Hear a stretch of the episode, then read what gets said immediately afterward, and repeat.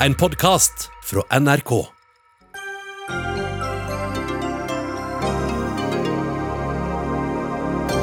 Flere tusen utviklingshemmede ble nektet å få besøk i sin egen bolig da Norge stengte. Kommunene har ulovlig tatt fra dem muligheten til å ha kontakt med sine nærmeste, sier jusprofessor. Noen forfattere får arbeidsstipend i år etter år, mens andre aldri får noe. Midlene må fordeles på flere, krever Forfatterforbundet, mens Forfatterforeningen er fornøyd som det er. Vi har vår egen Moria-leir i Norge som ofte blir glemt bort. Det sier asyladvokat som ønsker amnesti for de rundt 3000 papirløse i Norge. Og KrF vil ha mer kristent innhold i NRK. Umusikalsk, svarer Human-Etisk Forbund.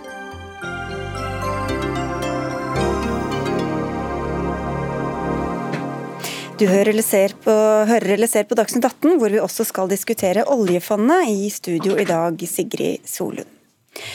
Mellom mars og mai, da Norge var tilnærmet stengt, var det mange som holdt seg inne og unna andre mennesker. Men ikke alle fikk det valget. De ble isolert av andre.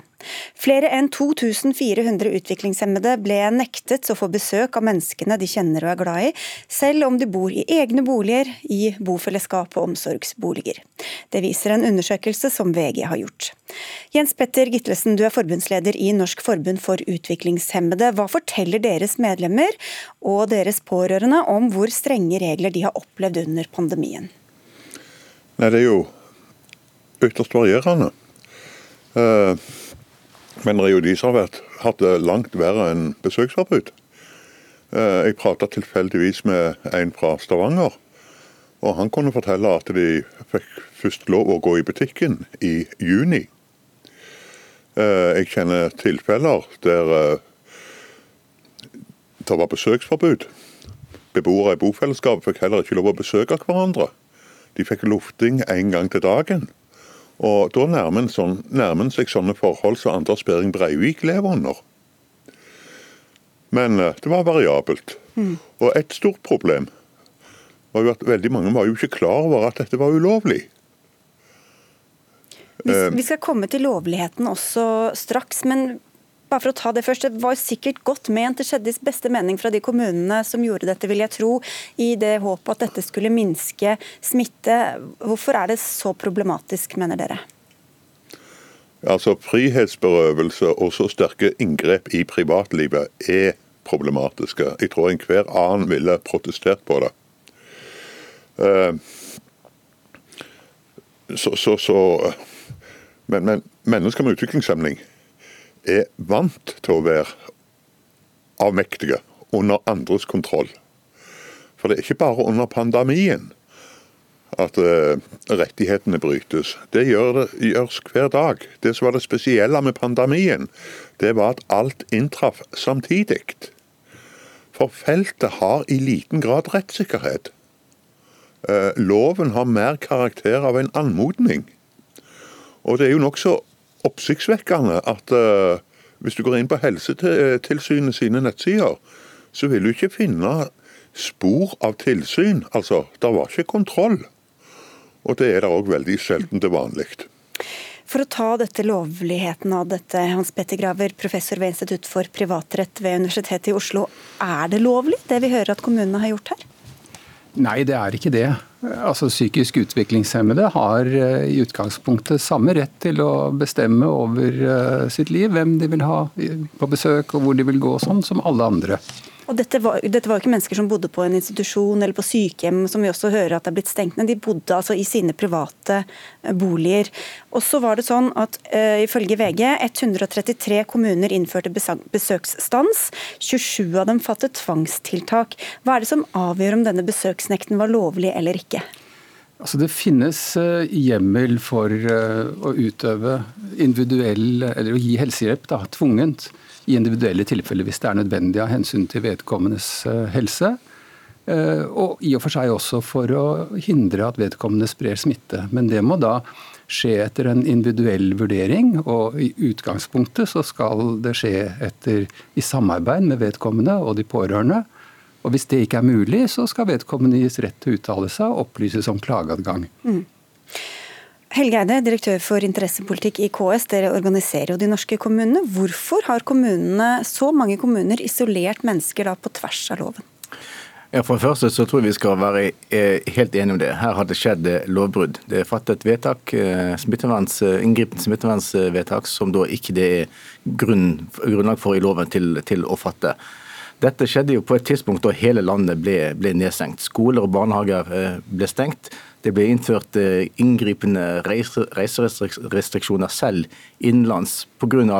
hensyn til å stoppe koronasmitten. Og selv nasjonale myndigheter sa jo ikke at før eh, et stykke ut i april at vi hadde kontroll på situasjonen. Så det overordnede som selvfølgelig alle kommuner tenkte på, det var å stoppe smitte og, og også beskytte tjenestemottakere, som jo man har ansvar for. også i Så det var forståelig at det skjedde, eller hva er det du sier her? Eh, ja, Man kan forstå hvorfor eh, slike eh, tiltak ble, ble fattet i kommunene. Men i de tilfeller hvor det skjedde uten medvirkning fra, fra, fra, bruker, uten å spørre, uten dialog, så var det helt klart ikke lovlig. Og Det ser vi allerede at det er flere kommuner som har sagt det er tydelig det var feil, og man har lært av og man har beklaget overfor brukerne. Men hva sier det da? At så mange kommuner har brutt loven i den tro at det tydeligvis, eller om de i det hele tatt ikke har undersøkt om det var lovlig eller ikke? Ja, det, det forelå, eh, jo retningslinjer fra Helsedirektoratet, som jo flere kommuner sier at de har eh, misforstått eh, i, i, etterkant. og sett på det. Og som sagt så var situasjonen på dette tidspunktet at man måtte få kontroll på situasjonen, få, få kontroll på smittespredningen, som man ikke kjente omfanget av på dette tidspunktet. og da var nok det den aller første og den viktigste tanken som var i hodet på alle som hadde ansvar for å prøve å gjøre noe, gjøre noe med situasjonen. Men de misforsto da, fra Helsedirektoratets side. Helseminister Bent Høie, hva sier det om hvor tydelig de retningslinjene har vært fra helsemyndighetenes side? Nei, Det kommer fram i det som ble sendt ut 14.3 fra Helsedirektoratet, at eh, den type tiltak ikke kunne brukes i omsorgsboliger, det som regnes som private hjem. Men det ble jo da veldig tydelig sagt at en skulle ha besøksstans f.eks. i sykehjem. og Jeg tror det er der eh, egentlig hovedmisforståelsen har, har oppstått. Eh, og det, det, må vi jo ikke glemme at eh, det var jo nødvendig med veldig inngripende tiltak på det tidspunktet for å beskytte både den enkelte som er sårbar for en smittsom sykdom, men òg institusjoner der mange bor sammen, som var veldig sårbare hvis det ble smitte i sirkulasjon. Ikke bare blant de som bor der, men òg blant de som jobber der. sånn at det, Eh, må vi liksom bare ha med oss med tanke på hvorfor dette oppsto. Og så er det helt riktig at de tiltakene som her beskrives i VG, i de tilfellene der det har skjedd i strid med den enkelte sitt eget ønske, og ikke i samarbeid med den enkelte pårørende eller verge, så er dette ulovlige tiltak. Ja, og Det skjedde jo da i veldig mange tilfeller eh, her, så hvor alvorlig ser du på den saken? Det er jo selvfølgelig alvorlig at kommuner gjennomfører tiltak som ikke har hjemmel i lov. Og Det gjorde jo òg til at når, en, når Helsedirektoratet fikk tilbakemelding bl.a. fra Gittelsen i NFU om dette, så ble det jo sendt ut en presisering eh, 20.4 fra Helsedirektoratet eh, igjen for å klarere opp eh, det som ble da, hadde vært en tilbakemelding som var misforståelse. Vi får slippe til Gitlesen på dette. Ja. Ja, altså Helsedirektoratet de mener jeg var veldig klare i sine anbefalinger. Og jeg vil gi Helsedirektoratet ros. De var veldig søkende. Jeg hadde fri linje inn. Uh, informasjonen mener jeg òg var veldig ja, klar og tydelig. Jeg tviler på om han ble lest. Uh, jeg skrev brev til KS-advokatene og varsla om situasjonen. Jeg fikk ikke skriftlig svar. Derimot fikk jeg en telefon fra en interessepolitiker i KS som fortalte at dette ikke var noe for KS å ta opp. Jeg skrev så brev til lederen i KS. Det har jeg ikke fått svar på ennå. Hm. Du kan jo få svar her nå, Helge Eide. Ja, vi har jo allerede sagt det, at det som har skjedd i dette tilfellet, altså i perioden 1.3 til 1. mai, i de kommunene hvor man da ikke gjorde dette i, samråd med brukerne, er klart ulovlig. Og de kommunene har jo selv vært ute og sagt at, at det har man lært av. Men hvor tydelig var dere overfor deres medlemmer på at sånn skulle det ikke være? Nå er det slik at uh, Norske lover gis av Stortinget, og, det er departementet og direktoratet som har lovtolkningsansvaret for det. Når våre medlemmer uh, ønsker råd fra KS-advokatene, så gir vi det. Men, men hva, har ikke dere fått med dere den misforståelsen, og disse som ifølge uh, Gitlesen da var tydelige retningslinjer fra Helsedirektoratet? Ja, altså, den, den Den viktigste eh, dialogen her den skjer ikke mellom KS og kommunen, den skjer mellom kommunen, mellom tjenesteyterne og den enkelte bruker. Og Det er det forholdet som har vært viktig å rette opp fortest mulig for kommunen når man er blitt klar over det. Vil du beklage det som har skjedd? Det er sterkt beklagelig når norsk lov brytes, og det er sterkt beklagelig når det er svake grupper som funksjonshemmede som eh, blir utsatt for det. Ja, helt mm. klart. Så ble det jo sagt her at dette ikke er et enkelttilfelle, men en slags systemfeil. Tore Hagebakken, du sitter i helse- og omsorgskomiteen for Arbeiderpartiet, og du stilte et skriftlig spørsmål til helseminister Bent Høie. Hva mener du er hans ansvar oppi dette? Ja, jeg stilte et spørsmål allerede 15. mai eh, rundt utviklingshemmedes eh, situasjon. Og når jeg sitter og ja, jeg satt og så dette på TV, eh, og når jeg ja, Jeg må bare si at det gjør et sterkt inntrykk. Og, og, og, det er bare å beklage at uh, dette har uh, skjedd. Her er det uh, utviklingshemma som har fått frarøvet sine, altså, sine rettsstatlige prinsipper, altså rettigheter. Og det gjelder pårørende, det gjelder venner osv. Så, videre. så saken er veldig alvorlig. Så nå er det veldig viktig at, det, at vi slutter å holde på på den måten. Og så, og så må vi bruke den anledningen til å skjønne at det å ha, eh, ha en egen bolig som utviklingshemma, det skal ikke se ut som eller oppleves som om du er en institusjon. Mm. Og Det skjønner alle kommuner, og det skjønner de fleste. Men her må det, her må det tydeligere eh, regler og tydeligere taletall fra staten og Stortinget har gang på gang vært tydelig i forhold til, eh, i forhold til dette. Men jeg syns at i neste ledd, i regjeringens utøvelse av denne politikken, så blir det for slapt. Og det er for mye som går under radaren der ute i Kommune-Norge. Men hva, hvis, hva, annet kan de gjøre enn altså at når Helsedirektoratet tydeligvis i dette tilfellet i hvert fall har gitt veldig tydelige eh, instrukser om hvordan, dette skulle, hvordan kommunene skulle forholde seg til, hva annet er det du mener at regjeringen skulle gjort? Ja, altså, det er aldri gitt instruks om at du skal ha besøksforbud hvis du bor i din egen bolig og er utviklingshemma. Det, er jo, det, det, det blir helt feil å si. Nei, nei, det var ikke det jeg sa heller. Men ok, Bent Høie, du skal fortsette. Det motsatte som, altså Direktoratet var allerede 14.3 veldig tydelig på at for beboere i omsorgsboliger som regnes som private hjem, og det kom også helt klart fram i teksten, at det regnes som private hjem, så kan en ikke bruke, bruke, tvang. Der må en ha et samarbeid i den tilfellet at en har behov for f.eks. å redusere besøkene. Og Det kan det være gode grunner til under en pandemi, både for å beskytte beboerne, men for også å sikre eh, kontinuitet i bemanningen osv. Men da må man gjøre det i et samarbeid. Det kom klart fram allerede 14. Og, det ble da ikke, og, og da er jo spørsmålet eh, eller Vi skal gå til deg, Gitlesen, også. fordi du, ja. du, mener at dette må få konsekvenser. og Hva slags konsekvenser mener du at det bør få? Ja, altså, ja, En kan jo dra lærdom. For som jeg sier, Dette er ikke noe unikt. Det spesielle, eller det som skjedde de enkelttilfellene, de er ikke unike. Det som var det spesielle, det var at det inntraff overalt samtidig. Uh, og, og, Helsedirektoratet sine skriv de var klare og tydelige, men jeg brukte de overfor kommuner. Og de hørte ikke på meg. De hadde ikke lest. Uh, men sånn blir det gjerne når du har et system uten kontroll.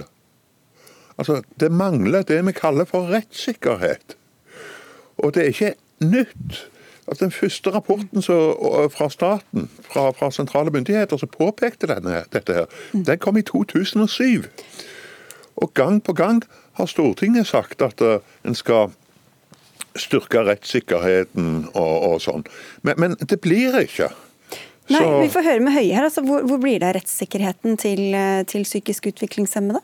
Altså, Rettssikkerheten skal jo ivaretas gjennom de kontrollmekanismene sånn som vi har. Men skjer det? Som, eh, ja, altså Det er jo det som avdekker hvis det skjer feil. Og så har vi jo òg eh, eh, fått overlevert en egen altså Vi nedsatte jo et eget NOU-arbeid for å se på hele tvangslovgivningen. og Det har jo nå vært ute på, på høring. For Jeg er jo enig med Gittelsen at det er behov for å rydde opp i dette regelverket og gjøre det tydeligere. Det arbeidet er iverksatt. Altså, og det er spørsmål også om, om, om, kunnskapsnivået er godt nok rundt omkring i kommunene til hvilke rettigheter og hva som er faktisk lovverket her?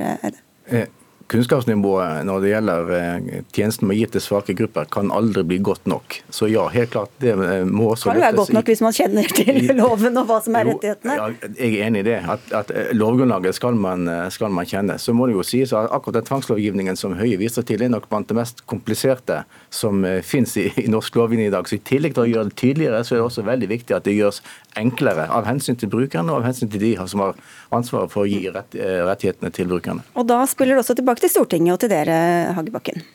Ja, vet du, Nå får Bent Høie en unik mulighet til å være konkret, for nå har jeg stilt eh, spørsmål i dag tidlig. Eh, og Han har seks dager på seg til å svare på eh, hva regjeringen har gjort og vil gjøre for at de skal sikre rettsstatsprinsippene overfor og utviklingshemmede på en god måte. Og Denne gangen så håper jeg slipper å få sånn der svar som jeg fikk, fikk fra Abid Raja. Det stilte spørsmål den 15. 15. mai. Og det var liksom, Vi må ha mer kunnskap, vi må ha rapporter. Vi må ha ditt og Vi trenger ikke mer kunnskap og rapporter, vi trenger handling, slik at folk slipper å oppleve slike, slike brudd på menneskerettigheter og lovverk som dette er. Ok, Du skal få svare, Høy, så skal vi ta et siste spørsmål til Graver her også.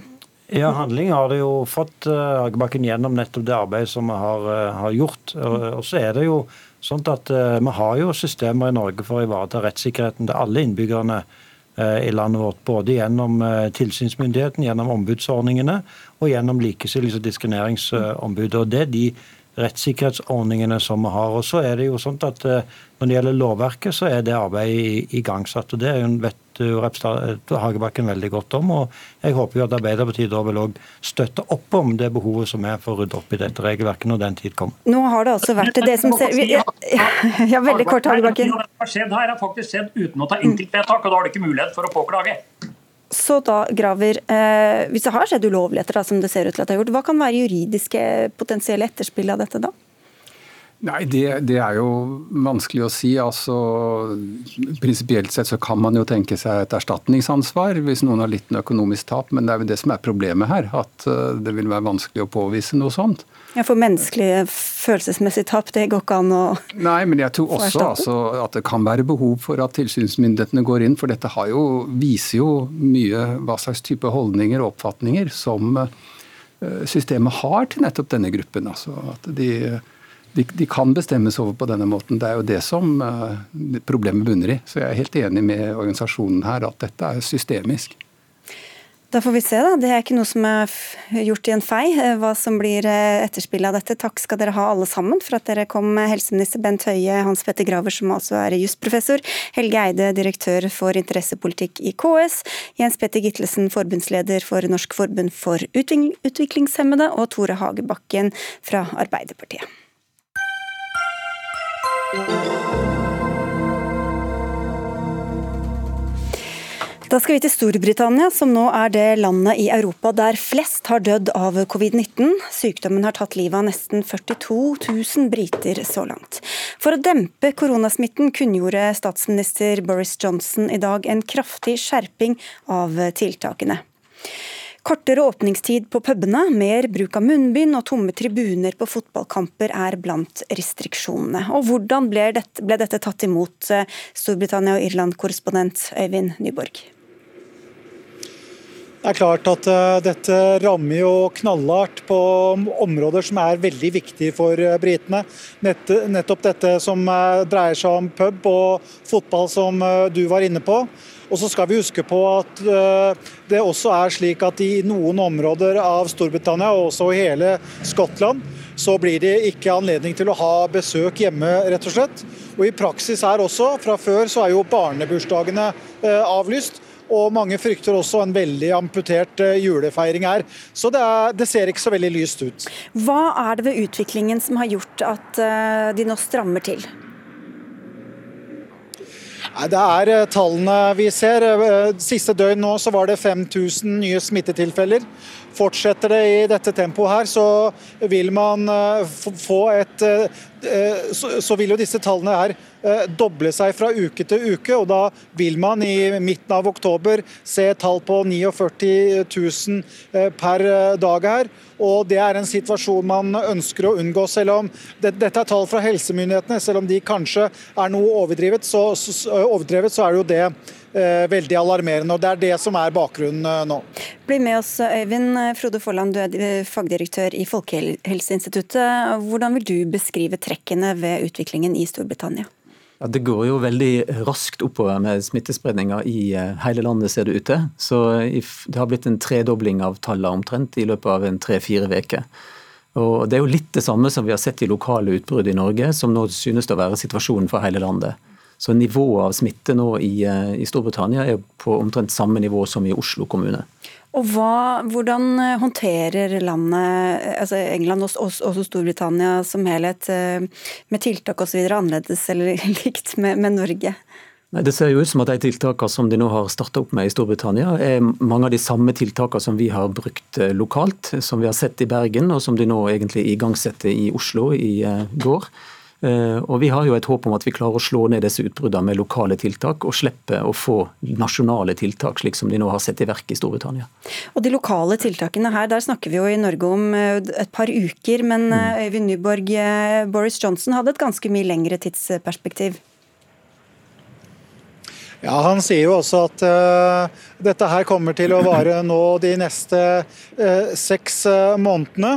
Og Han sa også at hvis vi ser at dette ikke virker, at man ikke får dette R-tallet under kontroll, så, så, vurderer man nye tiltak. Han sa også at han kom til å sette inn hæren for å forsterke politiet i arbeidet med å, å påse at folk følger regelverket. Skal huske på det nå, at nå, nå, nå truer man med å gi bøter på 100, tilsvarende 120 000 eh, kroner for folk som ikke følger karantenereglene, eller puber som ikke uh, følger opp ordentlig. Mm.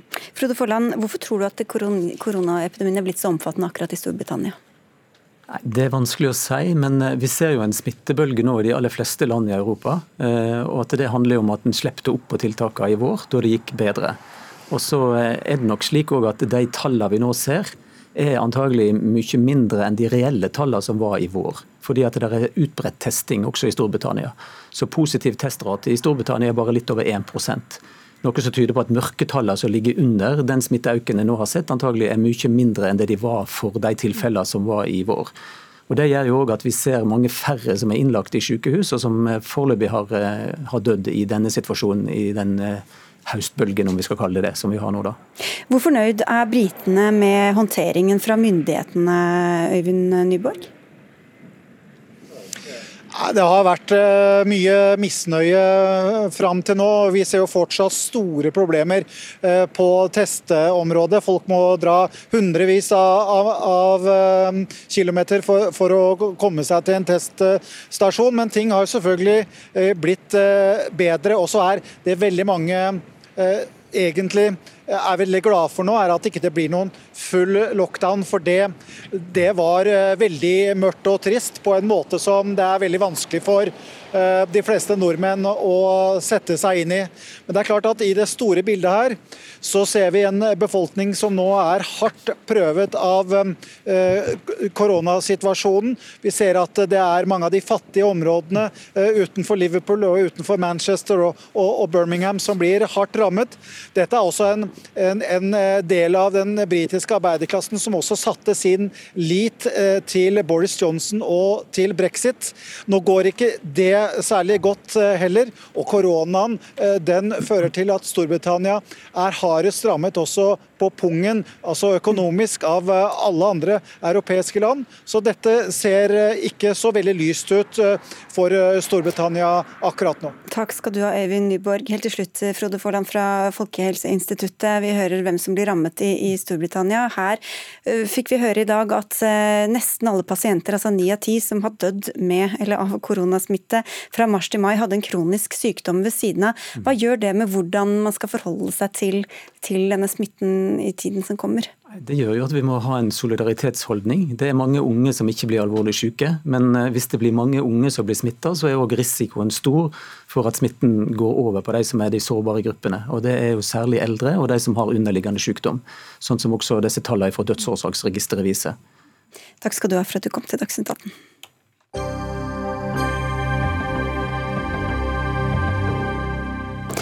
Det er rundt 3000 utlendinger som oppholder seg ulovlig i Norge. Norske myndigheter bør innføre amnesti for dem, og det bør skje nå under denne koronaepidemien. Det skriver du i Klassekampen, hvor du kaller dette vår egen Moria-leir. Trond Olsen Næss, du er advokat med spesialisering i utlendingsrett, og partner i advokatfirmaet Furuholmen Ditriksson. Hva er sammenhengen mellom disse menneskene og denne nedbrente leiren i Hellas? Jeg bruker eh, Moria-leiren som et bilde på en, mange migranter som lever i en svært vanskelig situasjon. Og Det har vi i Norge. Eh, anslaget for politiet er at vi har ca. 3000 som oppholder seg ulovlig i Norge.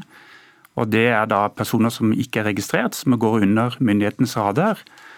Og som hvor svært mange av de lever under svært kummerlige forhold. Og Hvorfor er tiden inne akkurat nå, mener du, til å gi dem amnesti, altså gi dem lovlig opphold? Vi er i en helt spesiell situasjon i Norge nå. Det henger sammen med korona, naturlig nok. Eh, det gjør at vi har stor, altså en veldig god kontroll på grensene. Eh, det kommer nesten ingen flyktninger. altså vil si Ingen i den forstand sammenlignet med 2015, hvor vi fikk 30 000. Så har vi til nå i år fått vel 900. Det er en spesiell situasjon. Og så har vi da også et viktig poeng, og det er jo at det er svært vanskelig for politiet nå å returnere personer. Og Det henger jo sammen med koronasituasjonen, manglende flytrafikk, reiserestriksjoner osv. Som gjør at vi er nå i en situasjon hvor da disse menneskene sitter i Norge, og vi får da ikke sendt de ut. De må være her uansett, Ove Trellevik fra Høyre. Hvorfor ikke la dem forbli på ordentlig vis? På permanent Da vil vi uthyle hele asylsystemet hvis vi skal gi opphold til de som er ulovlig i Norge. Svært mange av de som er her, har uh, ulovlig opphold pga. at de ikke har reist ut og fulgt utreiseplikten sin etter at de har fått avslag på sin asylsøknad. Og Mange andre migranter er her av helt andre årsaker, men de er ikke her på lovlig vis. De har altså ikke eh, meldt seg for norske myndigheter eh, når de er kommet og, bedt om oppholdstillatelse her. Og Det kan være andre som er her av andre grunner, at visum er gått ut eller, eller andre ting. Men eh, vi stiller oss i en svært uheldig situasjon hvis vi skal velge å gi, gi opphold til folk som er her på ulovlig, eh, og vi ikke vet hvem de er. Da vil vi kunne risikere at vi huser folk som vi aller helst ikke vil huse. Vi har jo hatt migranter som reiser til Syria som fremmedkrigere.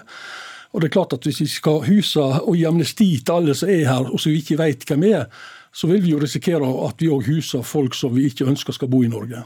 Yes. Ja, Poenget er jo på en måte at de allerede er her. Og eh, Jeg er helt enig med Trellevik at det er eh, fare ved å uthule eh, asylinstituttet, for det skal vi ikke gjøre. Men nå er vi nå enda i en sånn situasjon at de er her. Og jeg tror vi alle er tjent med, i, sånn som situasjonen er i Norge nå, at disse får komme fram i dagslys. De får meldt seg, de blir registrert, og de får da enten en midlertidig opphold eller et opphold som gir grunnlag for permanent opphold i Norge. Og Det er jo også fordi at vi er da i en situasjon hvor også koronasmitte gjelder blant disse. Og Når de lever, svært mange av de, så kummerlig som de gjør, så er også smittefaren større. Og De tør kanskje ikke melde seg, de tør ikke teste seg. Likevel kan de ha smitte, spre smitte. Hvor, hva med smittehensynene oppi dette, Trellevik? Det er klart at det er nok veldig krevende, men de har krav på, gratis eh, førstehjelp skulle jeg si, også, også eh, innenfor korona, koronatesting og den slags. Men de kan ikke bare dra og teste seg ved en teststasjon? Nei, Hvordan i praksis det blir håndtert, det er jo lover for dette, både i kommunene og, og folkehelselov og alt. Så de har krav på å få tester hvis de føler behov for det. Men poenget her er ikke nødvendigvis eh, akkurat, eh, akkurat det. det er, jeg vil oppfordre alle jeg, som er ulovlig i Norge, til å melde seg for politiet. Sånn at vi får ta stilling til hvem de er, og eventuelt returnert de som skal returneres. Og Så får vi håndtere de som har krav på å få sin asylsøknad behandla i Norge, behandla. Hvilket signal sender det hvis man belønner noen for å bruke det ordet da, med opphold bare fordi de har klart å komme seg hit, og så klart å bli her uten å bli oppdaget og sendt eh, hjem? Vi har eh, gjennom tidene i Norge gitt amnesti til ulike grupper, også innvandrere. Det har vært eh, familier, det har vært kirkeasylanter, det har vært ulike kategorier mennesker. Og jeg tror nok Hvis man tenker tilbake igjen, både som fagperson og som politiker, så tror jeg ikke vi angrer på noen av de amnestiene vi har gitt tidligere. Og Du kan også sammenligne med hvis vi tar litt, kanskje ting som er litt nærmere oss. Det er jo alle de våpenamnestiene som vi har hatt opp gjennom tidene. Mange nordmenn er svært glade for at de fikk amnesti. De ikke ble straffet ved at de innleverte våpnene sine. Og De kom da i en lovlig situasjon igjen. og Det er jo det også disse utlendingene ønsker. De ønsker å være her lovlig. De ønsker å bli arbeidstakere, skattytere, mottakere av ulike rettigheter og plikter. Sånn at Det er på en måte den situasjonen de fleste er i. Og Jeg tror nok Trellevik tar litt feil ved å komme med en litt sånn skremsel om at dette er eh, IS-folk som skal til Syria. Majoriteten av disse er ikke der. og det tror jeg også du kan finne fakta. Hvem er det da? Du har vel jobbet med noen av dem? Jeg har jobbet med flere av de, og det er mennesker i helt ulike situasjoner. Du har de som lever åpent også. Eh, de har fått avslag på asyl. De har familie her som tar vare på dem. Eh, de reiser ikke ut, de overholder ikke utreisefristen. De oppholder seg her. Du har til og med barnefamilier. Og så har du også i andre enden utlendinger som er her, som aldri har vært i kontakt med norske myndigheter. De jobber svart. De bor kanskje på loftet på et eh, lager. Eh, og de må også fanges opp gjennom dette. Og de er her uansett, som vi har sagt, eh, Trellevik. Nå er grensene veldig stengt. Det er veldig få som uansett kan komme ut, så signaleffekten blir kanskje heller ikke så eh, voldsom. Så hvorfor ikke heller få dem inn i systemet, så de kan bli en del av det? Jeg ønsker at de skal registrere seg samtlige som er illegale innvandrere i Norge. Men Hva skjer med dem da? Da blir de som er returnerbare, returnert, og som skal returneres.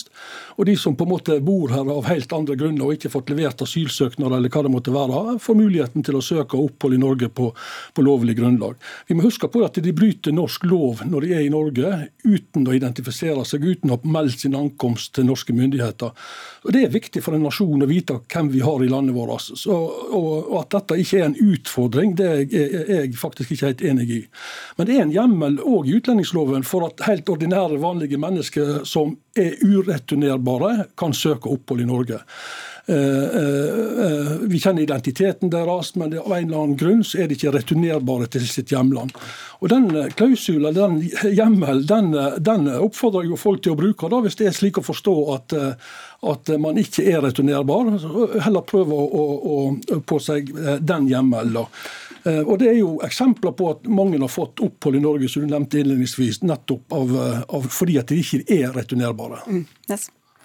Jeg tror Det Trellevik ikke svarer på, det er hva gjør vi med de som ikke er returnerbare fordi at de ikke går fly?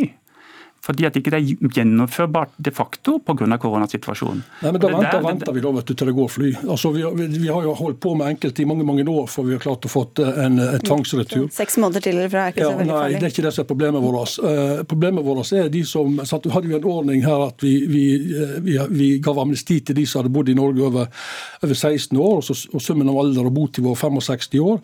Eh, så det er ikke svært mange som er her eh, eh, av, av den grunn, skulle jeg til å si. De innvandrerne som er her i dag, som teller 3000 stykker, de burde ha meldt sin, sin, ankomst til Norge. De er illegalt i Norge, og de skal egentlig ikke være i Norge. Da fikk du sagt det. Det hørtes ikke ut som du fikk gehør for forslaget ditt, men takk skal Neida, dere ha. Men det er greit. sånn er det. Takk skal dere ha begge to, Trond Olsen Næss og Ove Trellevik.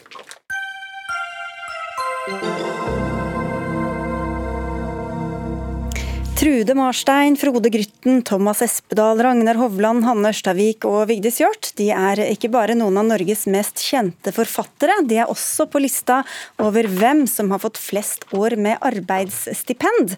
Andre forfattere får aldri et eneste stipend. Det går fram av flere artikler i Klassekampen den siste tida. Stipendene hentes både fra statlige midler og fra biblioteksvederlaget, altså penger som deles ut som en slags kompensasjon for at bøker kjøpes inn til alle landets biblioteker, noe som kan resultere i at færre kjøper de aktuelle bøkene. Og flere bør få glede av disse stipendene, sier du Eistein Hansen, du er leder i Forfatterforbundet. Hvorfor er dere misfornøyde med dagens ordninger? Hvis, altså hvis vi tar, tar, utgangspunkt i den artikkelserien i Klassekampen, så viser den at det har vært eh, en, en, liten gruppe forfattere som har fått en veldig stor del av disse kollektive vederlagsmidlene som det er snakk om. Eh, og Vi syns det er en skjevhet i det. Vi tenker at eh, dette er et vederlag som opparbeides av alle forfattere, og det er kompensasjon for bortfall av inntekt.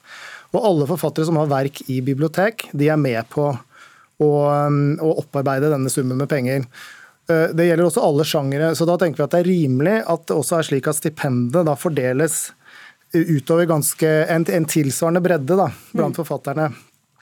Det er vårt utgangspunkt. Forfattere er jo organisert i forskjellige foreninger. Eh, dere er de største, Heidi Marie Krisnik. Du er leder i Den norske forfatterforening, og det er deres litterære råd som står for disse utdelingene. Hvorfor skal såpass få få såpass mye? Ja, da er jo Kjernen i dette er jo at det er for få stipend. For du kan tenke deg liksom, Hvis det er ett stipend, og ti stykker søker på det stipendet, så er det ni stykker som ikke får. Er det 100 som søker på ett stipend, så er det 90 som ikke får. Eh, det er en tildelingsprosent på 10% Og Nå kikka jeg på litt nye tall før jeg kom hit, eh, på de siste fem årene. Når vi snakker om Vederlagsfondet, som er disse midlene fra bibliotekvederlaget. Og da så jeg at 80 unike forfattere hadde blitt tildelt eh, arbeidsstipend de siste fem åra. Av de så var det tolv som hadde gått igjen. Og så er det jo en litt sånn ny policy at man deler ikke ut mer enn ett eller to eller tre års eh, arbeidsstipend, og før var det kanskje mer av femårsstipend. Men hvor rettferdig er det da, når så mange er med på å tjene inn disse pengene, og så er det så få som til syvende og sist får nyte godt av dem? Jeg kjenner ikke én forfatter, jeg inkludert meg sjøl, som ikke har vært sur på at jeg ikke har fått arbeidsstipend. Så, så hele poenget er jo at det må være flere stipend, men så kan man jo hele tiden diskutere det. da, at Er det sånn at man skal smøre det tynt utover? Eller skal man uh, gi til noen få? Ja, Det er det vi prøver å diskutere her, mm. Hansen. Ja, Vi mener jo det at dette bør smøres tynnere utover. Uh, og vi, nå er det slik at nå er det to foreninger som organiserer skjønnlitterære forfattere. Så nå kan det jo være slik at vi da får to litt forskjellige ordninger. Og Vår holdning til dette er at flere bør få kortere stipender. Det er jo slik at Dette vederlaget skal gå til produksjon av ny litteratur. og De aller fleste forfattere er i den situasjonen at de har en, et eller annet, annet de gjør ved siden av. Enten så er forfattervirksomheten bigeskjeften, si, eller omvendt. Og Det å sette dem i stand til å jobbe med prosjektene sine i kortere, intense perioder, det tror vi kan være like god idé som at så få så få får så lange stipender som det har vært snakk om. Det har nesten vært snakk om kunstnerlønn, slik vi ser det. Kristin? Ja, nå er jo en gjennomsnittsinntekt i Norge 550 000, og et arbeidsstipend er på 270 000, så det sier seg sjøl at ingen kan leve av det. Og det er ingen forfattere som får penger mens de skriver en bok heller, så Hva mener du med det? Jo, ingen tjener jo penger. Alle forfattere skriver jo på spekk. Og sånn, ja, ja, ja. Men, men stipendene får de mens de kan, skal ja, sitte og skrive? Ja, så kan man jo diskutere om eh, ja, ja, kanskje det er bra å smøre det tynnere utover. Men du får ikke skrevet en bok på to måneder. Men nå er det også sånn at Forfatterforeningen deler ut diverse stipender, som er det samme som Eistein snakker om her. Og da er det jo 136 unike forfattere som har fått siste fem år. Men da er det snakk om liksom en maks eh, på 150 000 mm. som en deler ut. Så det er ikke så ulikt, altså. Jeg nevnte jo noen navn innledningsvis, og de har jo flotte forfatterskap bak seg. Det er kanskje nettopp fordi de har fått arbeidsstipend over så mange år, eller? Ja, det, altså Sett fra forfatterens ståsted så er det selvfølgelig ingen som sier nei til et stipend. Men jeg tenker det at det å få, de, de som hadde fått lengst der, det har fått i 19-20 år eller 15 år, 12 år. altså Ganske mange år på rad hvor man får en betydelig sum penger som selvfølgelig setter deg i stand til å skrive veldig mye. Men vi vet jo ikke hva alternativet er. Vi vet ikke hvilke andre forfattere som da ikke har hatt anledning til å sette seg ned og skrive i kortere perioder. Og vi vet heller ikke om disse samme forfatterne som har fått disse lange stipendene, kanskje likevel hadde produsert, hvis du ser i andre land, som ikke har så sjenerøse ordninger som vi har, så produseres det jo faktisk veldig mye bra litteratur der også. Så jeg mener at dette her, det er en tese at det fører til veldig god litteratur. Jeg er ikke sikker på om det er helt sant. Jeg mener at kjernen er at det er for få stipender. Ja, men det spørs jo ja. om dere får noe mer. Det er jo Nei, det spørs jo ja. Eh, absolutt. Men, men altså. hva, hva, er fordelen Nå sa jeg bak seg til disse forfatterskapene, fikk jeg dårlig samvittighet med en gang. Det kommer sikkert passe flott i tiden som kommer òg. Men hva er fordelen da, ved å la noen få disse arbeidsstipendene eh, over så mange år? Eh, jeg tenker jo at det handler om en mulighet til å fordype seg og utvikle seg. Og en ser jo det at stipendpolitikken har jo vært vellykka. Det er noe som går direkte til den som skaper. Og det er sånn at en forfatter kan bruke fem år på en bok uten å tjene noe før boka kommer ut, og da er det 120 000 som den forfatteren får for fem års arbeid. Så det handler jo om fordypning. Og så er det jo sånn, ja, på den ene siden er det kanskje bra å smøre eh, tynt utover, men det kan bli for tynt, og det kan For det er ikke nok til alle. Men det er kvalitet som skal ligge til grunn også. Hva, hvem er det som bestemmer hva som har denne, utgjør denne kvaliteten? Ja, nå er det jo sånn at det er ikke Forfatterforeningens litterære råd som er stipendkomiteen. De, det er ni personer som sitter der og vurderer det. Eh, og de leser jo alle bøkene til de som søker. Og så er det jo ikke sånn at Forfatterforeningen har funnet opp at liksom, eh, søknader skal vurderes etter kvalitet. Det gjøres jo av alle kunstnerorganisasjoner. Det gjøres i Kulturrådet, det gjøres i alle juryer. Og vi har valgt å legge oss på det samme som det Statens kunstnerstipend legger seg på. Og det er aktivitet og kvalitet.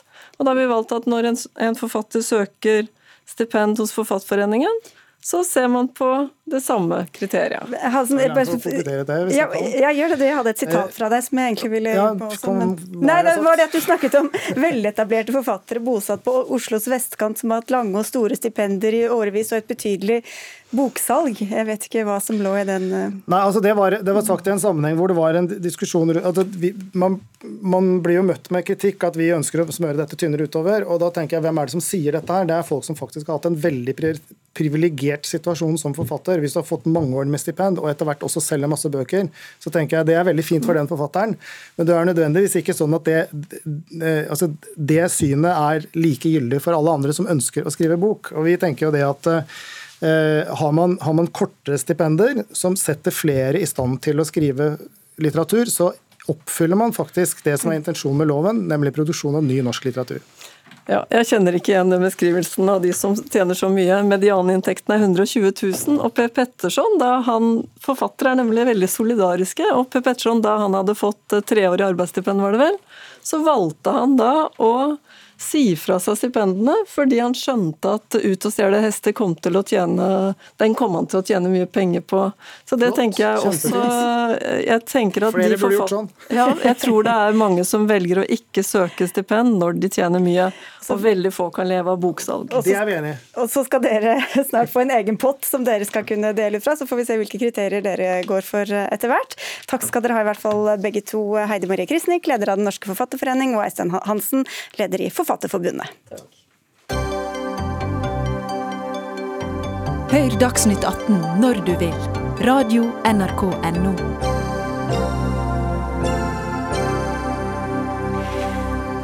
SV vil ha nye regler for Statens pensjonsfond utland, kjent som oljefondet. Partiet spiller inn forslagene i forbindelse med regjeringas oljefondmelding som kom i går, og som nå skal behandles av finanskomiteen på Stortinget. Framover bør såkalte verstingselskap lukes ut i forkant av investeringene, sier du til Aftenposten, Kari Elisabeth Kaski. Du sitter i denne finanskomiteen eh, på Stortinget og representerer SV. Hvordan mener du at denne forhåndsfiltreringen skal skje? Ehm, det vi mener da, er at før oljefondet gjør en investering, ehm, særlig knytta til eh, når man åpner for nye land ehm, og går inn i ja, eh, mer umodne markeder, at man da gjør en forhåndssjekk, rett og slett, eh, for å luke ut verstingene på etikk og miljø før man gjør investeringer. Egentlig så høres jo det ganske si, logisk og fornuftig ut, men det er jo ikke det vi gjør i dag. For i dag så har vi en, en sånn type handleliste som, som, innebærer at man går litt sånn bredt ut eh, og investerer i selskaper, og så må man eh, plukke ut de man oppdager at man har investert i, som f.eks. da begår grove menneskerettighetsbrudd. Men hvis noen skal gå og sjekke hvilke, hvilke selskaper det er aktuelt å gå inn i, hva tror du det gjør med børsen, og hvem som vil investere i de samme selskapene eller unngå dem? Altså, det her eh, er jo ikke veldig uvanlig egentlig i finansmarkedet. Dette gjør investorer og fond jevnt over. Eh, blant annet så ser vi jo at eh, ja, en institusjonell investor holdt på å si, som, som KLP gjør det allerede, og, og, men det er også vanlig å gjøre det internasjonalt. Og Det handler jo rett og slett om risikoredusering. Å redusere risikoen for at man er investert i selskaper som, som f.eks. begår grov miljøkriminalitet eller grove brudd brudd mot menneskerettighetene, som vi jo har mange eksempler på at, at oljefondet har vært investert i, og så har man oppdaga det, og så trukket seg ut. Eh, vi vil snu den rekkefølgen. rekkefølga. Ligge litt i forkant. Eh, Sivert Bjørnstad, du er andre nestleder i finanskomiteen eh, for Fremskrittspartiet, men er for skeptisk til en forhåndsgodkjenning? Ja, altså Vi er skeptiske fordi at dette vil føre til en politisering av uh, oljefondet. og Oljefondet har og skal ha ett mål, og det er høyest mulig avkastning ved moderat risiko. Så er det sånn at Vi syns egentlig det fungerer ganske bra i dag, fordi du har noen overordna rammer som vi som politikere har sett på Stortinget. Eh, oljefondet kan f.eks. ikke investere i selskaper som driver med klasevåpen eller kull eller tobakk. Og så har vi et etikkråd som følger opp at uh, oljefondet gjør det som vi som politikere har sagt. Mm. Og så har vi utelukkelse av selskaper hvis det ikke fungerer. Men hvis du skal ha noen til å gå gjennom og screene de titusenvis av selskaper som er i verden, som er egentlig oljefondets investeringsunivers, så vil jo det være en vanvittig byråkratisering av oljefondet. fordi Noen må jo sitte og gjøre denne jobben og gi godkjentstempel til selskapene, eller ikke. Men det vil de vel gjøre etter objektive kriterier, som noen har satt. Det er vel ikke dere to som skal sitte og skrine det. Så hvordan blir det mer politisert av at man forhåndsgodkjenner, enn at jo, man sjekker i Jo, fordi Et av godkjenningsstemplene til eh, SV og Kaski skal jo f.eks. være bidrar man til å oppnå Parisavtalen eller ikke. Eh, og Da må jo noen gjøre den vurderinga. Hvor går grensa til om men hvis man, bare, hvis, hvis man, tenker at det er en utvidelse av det etiske regelverket vi har i dag, men dersom den eh, forhåndsgodkjennelsen bare går ut fra de reglene som er, allerede er der i dag, da er det fortsatt en økt politisering, eller hva er argumentet mot det, da? Argumentet imot det er jo at noen må sitte og gjøre den jobben. fordi Investeringsuniverset til oljefondet er alle børsnoterte selskap i verden. Det er titusenvis av selskap. og Da må man jo sitte og gjøre hvert enkelt, gi hvert enkelt selskap enten godkjent eller ikke godkjent stempel. Og SV har jo tidligere klaga på høye kostnader i oljefondet. Dette vil jo mangedoble kostnadene, fordi man må gå gjennom hvert enkelt selskap og si godkjent eller ikke godkjent. Det vil føre til enorme kostnader for AS Norge. Det synes jeg egentlig argumentet om politisering er litt litt pussig, fordi at hvis man er bekymra for den politiseringa, så, så, vil jeg si det er økt risiko for politisering i dag, når du får stor oppmerksomhet ved at oljefondet trekker seg ut av et selskap. Det har vi sett har skapt bølger internasjonalt. Vi har sett at det har blitt reagert på eh, i andre land. Eh, Nå vil du ikke ha den, eh, eller du vil også kunne ha det, for vi bør også ha en etterpåsjekk, men du reduserer risikoen for det fordi at du har gjort den screeninga i forkant. Men til dette med byråkrati og kostnad og enorme arbeid arbeidskapasitet som skal legges ned i det her. Hvor Hvorfor er det verdt det, mener du? Det vi foreslår, eh, egentlig, Du må gjøre dette på en opptrapping. Um, det, det, vi bør gjøre aller først, og egentlig kan gjøre med en gang, det er å gjøre det i forkant av vi, vi går inn i nye markeder nå. Når oljefondet skal, skal begynne å eh, investere i Saudi-Arabia, oljefondet er allerede investert i Kina, og det er vekstområder som man ser for seg at oljefondet skal investere mer i. Der må man absolutt gjøre det i forkant, etter mitt syn. Vi har allerede eksempler på at oljefondet f.eks. nå trakk seg ut av et uh, kinesisk teknologiselskap som, som har solgt teknologi til kinesiske myndigheter i en region der kinesiske myndigheter uh, overvåker og internerer den muslimske minoriteten i Kina, som er et tydelig eksempel på et selskap vi aldri burde ha vært investert i i utgangspunktet, og som vi hadde en stor aksjepost i. Det er jo ikke mange selskaper som blir utelukka i oljefondet. Etikkrådet gjør en veldig god jobb og ut, eh, foreslår å ta ut de selskapene som er såkalte verstinger. Jeg tror jo vinninga vil gå opp i spinnet her, for det vil koste enormt med både ressurser og menneskelig kapasitet at man sitter og går gjennom hvert enkelt selskap i verden. Og Det er jo ikke sånn at det er bare de nye områdene man går inn i. Man må sjekke. Man må jo også sjekke europeiske selskap, asiatiske selskap, amerikanske selskap. og Det er jo titusenvis av børsnoterte selskap. Men, men Da betyr det at vi heller ikke har en god nok test i dag? da? Hvis man ikke går gjennom hvert enkelt selskap i dag, så kan man jo ikke vite om de bryter de reglene som er satt? Nei, men det, men det kan man jo heller ikke etterpå. fordi selv om man... Nei, men Det er det jeg mener. Altså, ja. Det vil vel ikke være mer kostnadskrevende, ressurskrevende å teste noe i forkant enn å liksom ha en oppdatert fordi, kontroll av hvert jo, enkelt selskap? Jo, fordi at uh, oljefondet investerer i ca. 9000 selskap det er det mulig å gå gjennom. Men investeringsuniverset, altså ja, de potensielle mange, mange, mange tusen det er mange titusen mm. selskaper som da må gås gjennom. Altså, Etikkrådet har gitt en ganske klar beskjed om at uh, det her er uhåndterlig for de. For det, for det første er 9000 selskaper for mange. Uh, og i hvert fall blir det krevende når vi da er inne i land som i utgangspunktet er lukka, der det er vanskelig å få oversikt over hva selskapene gjør, og du har lite sivilsamfunn. Og så må vi huske på at Oljefondet e, e, eksisterer jo ikke alene i finansmiljøet og i finansverdenen. Det finnes finnes mange indekser, mange referanselister, mange selskaper som jo leverer denne type screening og gjennomgang. Og det må man jo selvfølgelig trekke veksel på når man skal, skal ha en sånn type forhåndsfiltrering. Men dette er jo ikke statisk heller. Land kan endre seg, eh, selskapet kan endre seg, så da må man både ha en screening i forkant og en eh, kontinuerlig kontroll i etterkant, da? Ja, det må vi. Eh, og det skulle bare mangle. Og jeg mener fortsatt at det vil være i sum kan man si, både sikre at vi får et mer etisk og miljøvennlig fond. Vi ser allerede undersøkelser som viser at fond som, som nettopp opererer på den måten, gjør det bedre enn tradisjonelle fond mm. når du skal se på de økonomiske resultatene. Og du vil unngå å nettopp være investert med 1,2 milliarder kroner i et kinesisk overvåknings- eller teknologiselskap som leverer overvåkningsutstyr. Og det, det mener jeg er riktig å gjøre. Hvor, vanskelig er det Bjørnstad, å se på noe som Kaski sier, når man går inn i nye markeder? Hva er fellene her, hva bør vi ligge unna? Hvor er det man eh, vet hva som skjer av overgrep og ikke osv.? Men det, det, Den jobben tror jeg jo i stor grad oljefondet gjør allerede i dag. Man, det er jo ikke sånn at man automatisk bare investerer i et selskap uten å sjekke selskapet. Man går jo, man screener jo, har jo en viss screening i dag før man eh, går inn i de enkelte selskapene også. Men så har jo i tillegg oljefondet utarbeida en masse forventningsnotat, bl.a. om barnearbeid og miljø, klima, som gjør at den dialogen med selskapene kan jo faktisk gjøre selskapene bedre. Vi kan bidra til at de selskapene blir bedre, en bedre standard for hele økonomien, for hele verden. Den eh, dialogen med de selskapene ville jo forsvunnet med Kaski sitt forslag, fordi vi aldri kunne ha investert i det i det hele tatt. Overhodet ikke. Tvert imot så vil de jo få en bedre dialog, fordi de også vil kunne komme inn da på handlelista til oljefondet gjennom en sånn gjennomgang. Vi ble ikke helt ferdig, og vi kom eh, aldri i gang med den utvidelsen av de kriteriene dere også foreslo. Ta én ting av gangen, så får dere heller komme tilbake. Takk skal dere ha begge to, Sivert Bjørnstad fra Frp og Kari Elisabeth Kaski fra SV.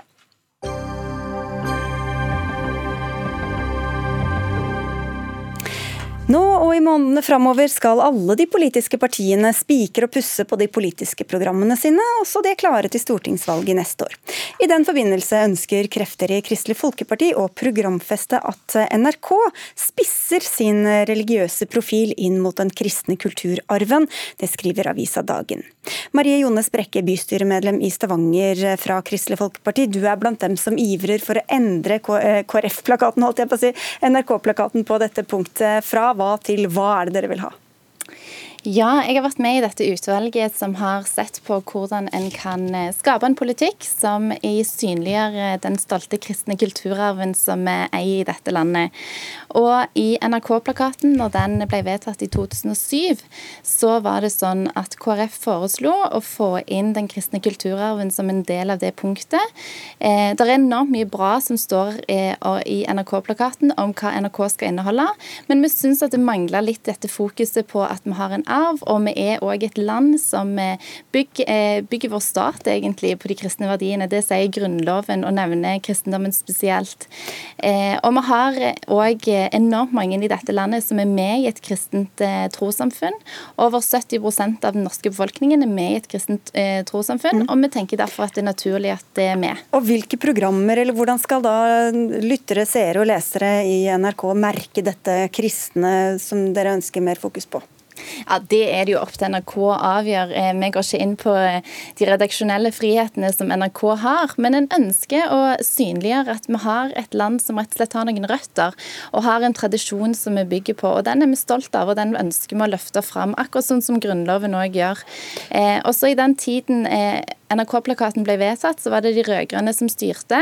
Men når dette var oppe, så var det flere enn bare KrF som stemte for at dette skulle inn. Så vi håper at det er mulig å skaffe et politisk flertall rett og slett for å få enda mer synliggjort den kristne kulturarven i NRK-plakaten. Vi har ikke med noen andre politikere, og vi er heller ikke med kringkastingssjef Tor Gjermund Eriksen, men vi har vært i kontakt med han. Han vil ikke kommentere pågående prosesser i partiene, sier han. Men Marit Øymoen, kommunikasjonssjef eh, i Human-Etisk Forbund, dere kaller dette utspillet for umusikalsk. Hvorfor er det det?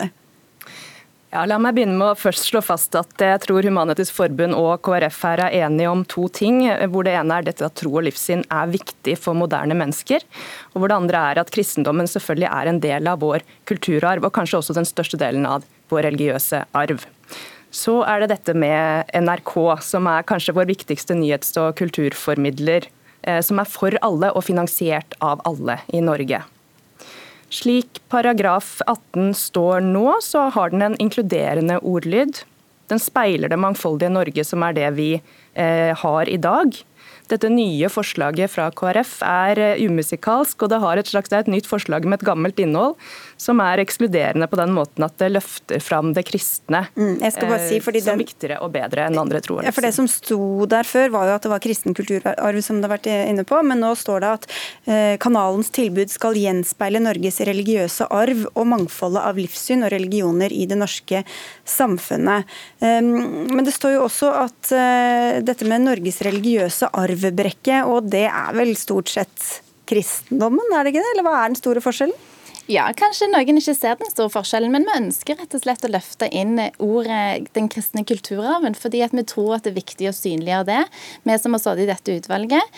Eh, og så mener noen at vi går for langt, og noen mener at det har lite innhold. og Da tenker jeg at vi har truffet ganske bra, funnet en god balanse mellom å ivareta det at vi er et mangfoldig samfunn, men òg at vi har noen røtter som vi ønsker å ivareta, og òg at vi har veldig mye levende kristendom i vårt samfunn som vi er stolt av, og som vi ønsker å løfte fram.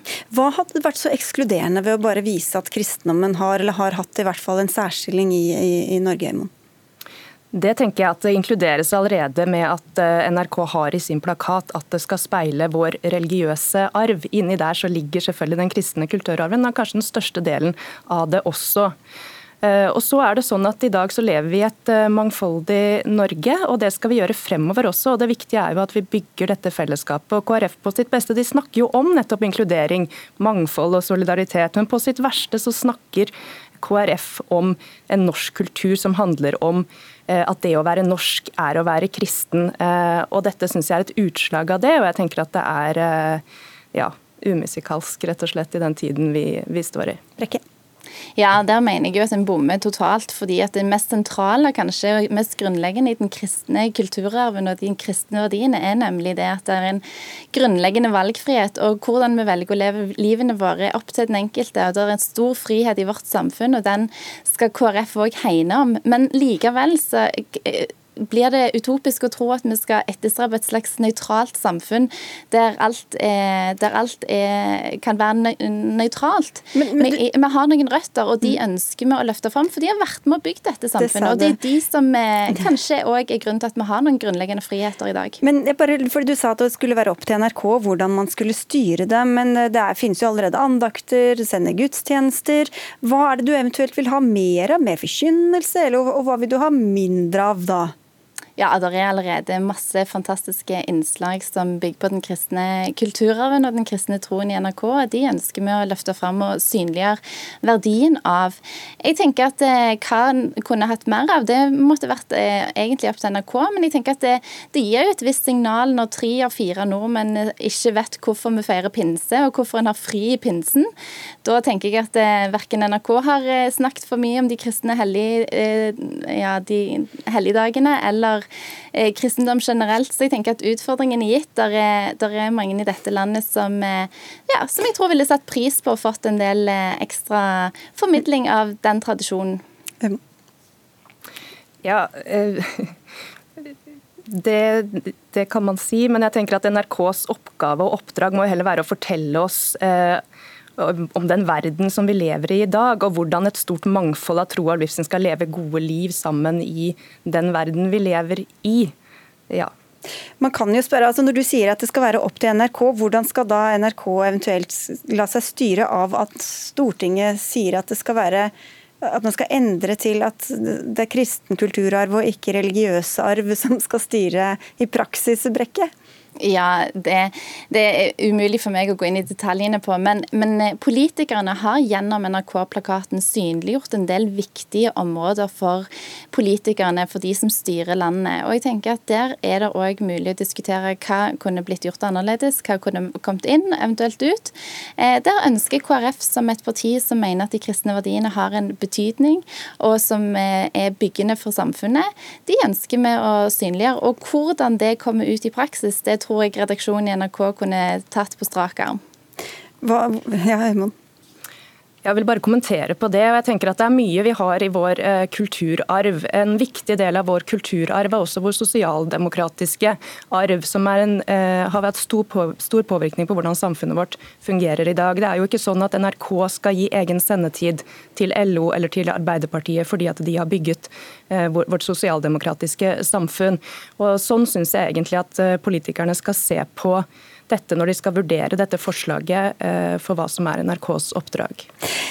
Det er jo sikkert mange som gjør seg artige på vår bekostning nå, på Twitter kan jeg se for meg. Men vi må si takk til dere begge to, Marie Jone Brekke og Marit Øymoen, for Dagsnytt 18 er over for denne gang. I morgen er Espen Aas eh, her i denne stolen. Vi takker for oss, Anne Katrine Førli, Frode Thorshaug og jeg, Sigrid Solund.